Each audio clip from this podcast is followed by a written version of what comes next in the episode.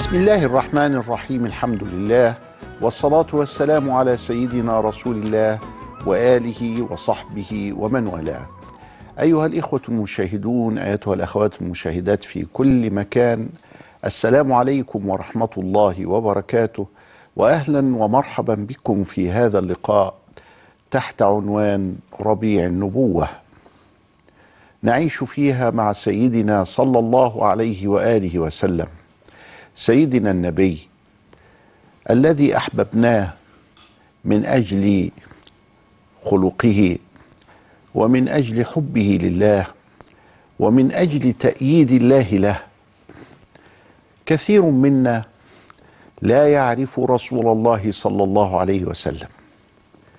نريد أن نتعرف إليه وأن نتبارك به. وأن نكون معه وأن نعيش في حياته حتى نعيش حياته. صلى الله عليه وآله وسلم. في هذا العام نحتفل بموعد ميلاد النبي كما نحتفل به كل عام. والمسلمون في كافة أركان الأرض يحتفلون بمقدمه. ويعبر عن ذلك الشعراء والحكماء. فيقول البصيري أبان مولده عن طيب عنصره يا طيب مبتدأ منه ومختتم وأمير الشعراء أحمد شوقي يقول ولد الهدى فالكائنات ضياء وفم الزمان تبسم وثناء. الزمان ابتسم وأثنى على النبي صلى الله عليه وسلم ومدحه. من هو ذلك المصطفى صلى الله عليه وآله وسلم؟ إنه المبشر المبشر. بشر به في كتب الأولين. في كل ما أنزله الله سبحانه وتعالى على الأنبياء والمرسلين أخذ العهد عليهم أن يؤمنوا برسول الله صلى الله عليه وسلم إن أدركوا عصره.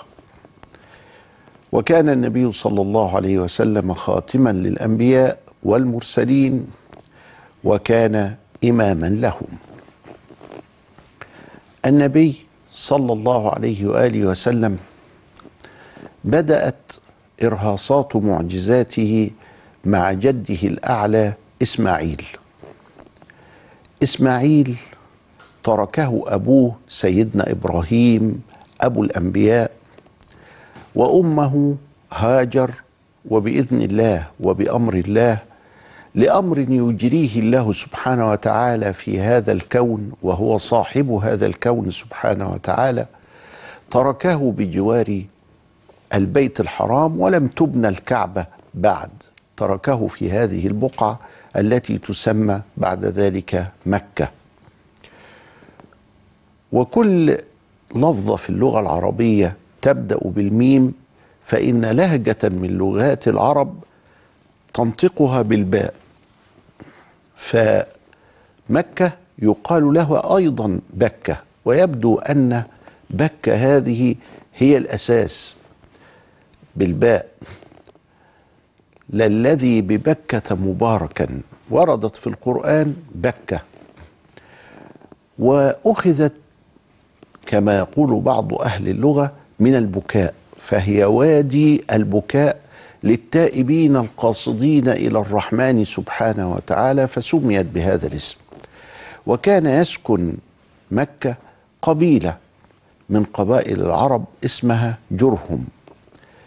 لما نزلت هاجر وابنها إسماعيل هذه المنطقة وهي كما وصفها القرآن واد غير ذي زرع.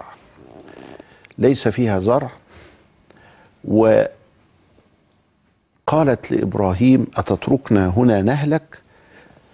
قال هكذا أمرني الله.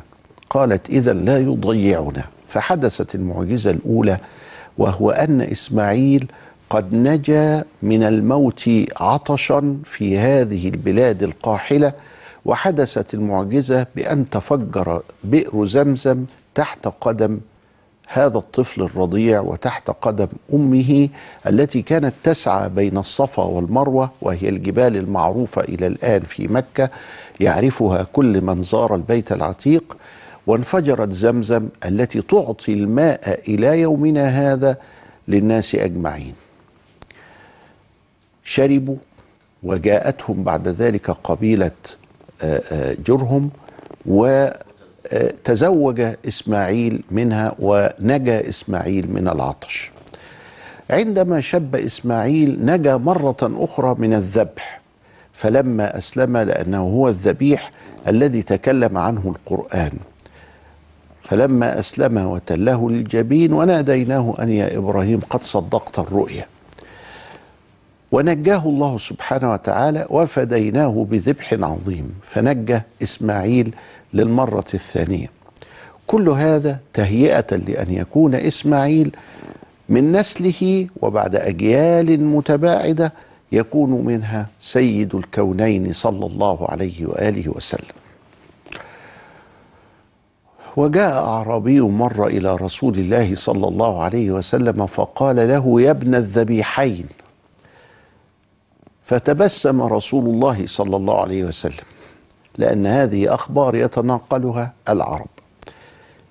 لأن عبد المطلب جد النبي صلى الله عليه وسلم كان قد نذر نذرا إذا تم يذبح ابنه عبد الله فأخواله منعوه وقالوا لا ابدا لا نسلم ابننا إنما افدي ابنك وأطع ربك.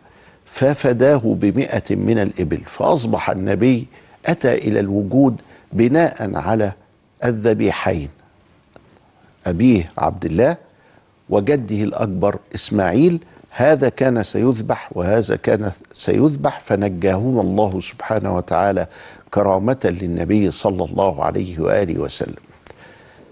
تعرفنا إذا على اسمه الشريف محمد ابن عبد الله ابن عبد المطلب. نحفظه في قلوبنا وفي عقولنا وفي أرواحنا. ونعيش سويا لقاء لدقائق معدودة نتعرف فيها على ذلك النبي الكريم. نحفظ أباءه وأمهاته أعمامه وأخواله. نحفظ من كان حوله من زوجاته الكرام. من أبناؤه وهكذا. هيا بنا نعيش مع ربيع النبوة. إلى لقاء آخر أستغفر الله وأودعكم إلى لقاء